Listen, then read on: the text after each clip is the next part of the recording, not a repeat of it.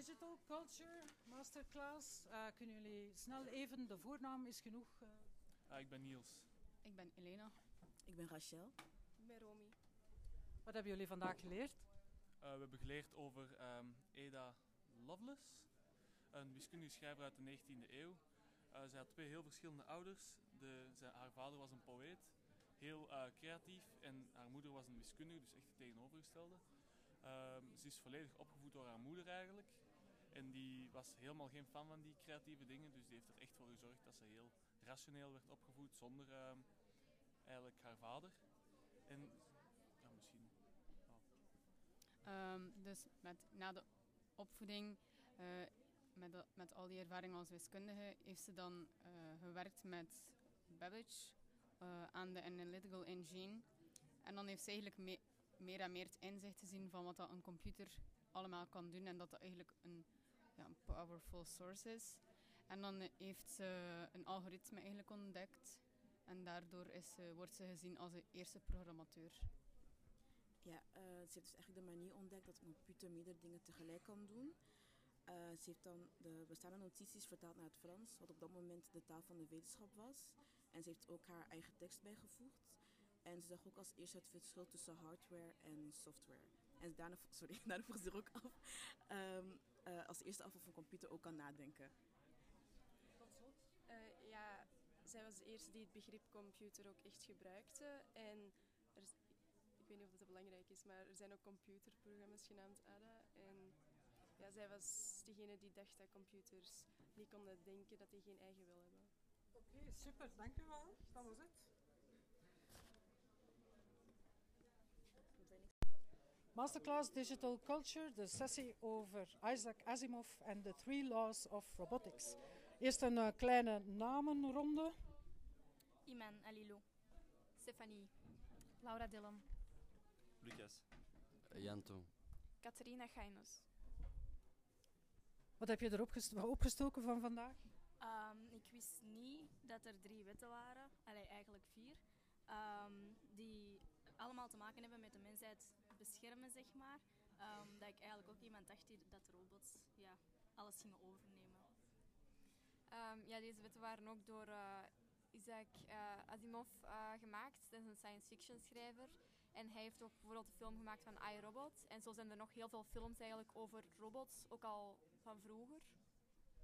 Um, ik wist niet dat, in Japan, dat Japan het land was waar uh, ze zo ver stonden op vlak van robotica.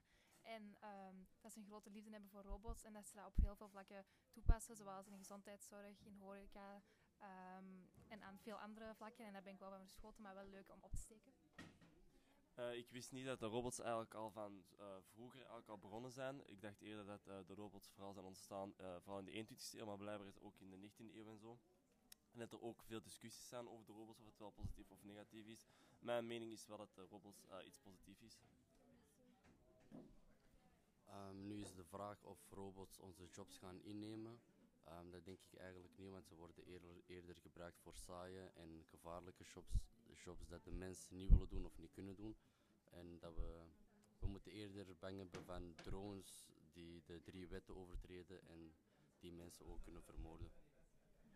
Ik wist blijkbaar niet dat er echt uh, wetten waren voor robotten. Dat er bijvoorbeeld uh, robotten um, zo lang mogelijk zichzelf moeten beschermen en de mensheid. Um, om, en zo langer actief mogelijk moeten blijven. En dat ze mensen in gevaar mogen brengen. Ik vind dat uh, robots wel positief zijn en uh, positief uh, onze mensheid kunnen helpen.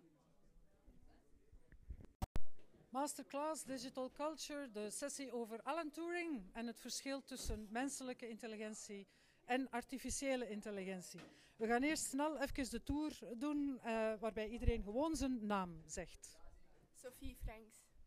Excel van Titelboom. Ellen Laurijs. Bins. Stefanie. Ilia. Karon. Wat heb je vandaag geleerd?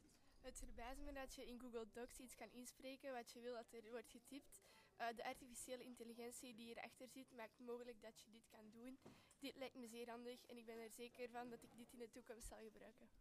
Alan Turing, uh, hij is uh, van 1950. Hij heeft eigenlijk um, hij is een wiskundegenie en een computergenie en hij heeft een, een soort van machine ontworpen waarbij dat ze Duitse boodschap hebben onderscheept. En hij is eigenlijk dus een held in de Tweede Wereldoorlog. Ja, ik wist niet dat het logo van Apple is ontstaan uit het verhaal dat Alan Turing vergif heeft gespoten uh, in een appel en daar dan eigenlijk een deel van heeft opgegeten. En ik vind het wel een heel mooi eerbetoon uh, van Apple, omdat Turing de Engelsen toch heel hard heeft geholpen tijdens de Tweede, tijdens de Tweede Wereldoorlog door gecodeerde berichten van de, Duitse, van de Duitsers te ontcijferen. Um, de Giver Robot is een intuïtief programma dat de mens kan overtuigen dat je tegen een mens aan het praten bent. En uh, dat was uh, succesvol. Uh, toch is er wel een belangrijk onderscheid tussen de mensen die het heel snel eng vinden waar robots zijn. Dat noemt het effect van een Kenny Valley, dat eigenlijk als een robot te hard op de mens lijkt. Dat het eigenlijk ja, vies wordt en dat we eigenlijk liever hebben dat de robot wel echt gewoon van metaal is en duidelijk onderscheid is van ons. Het feit dat robots ook beginnen door te krijgen dat ze op mensen gaan lijken, gaat het misschien ook wel mogelijk zijn dat ze gaan beseffen en weten dat ze slimmer zijn dan ons en zo eventueel wel gaan zorgen voor onze uitroeiing of dat zij ons gaan domineren, etc. Uh, hyporia is een woord voor het feit dat je ongemakkelijk wordt omdat je denkt dat je met een robot aan het praten bent, maar dat is eigenlijk een mens of andersom. Goed. Oké, okay, dat was het. Fijn weekend.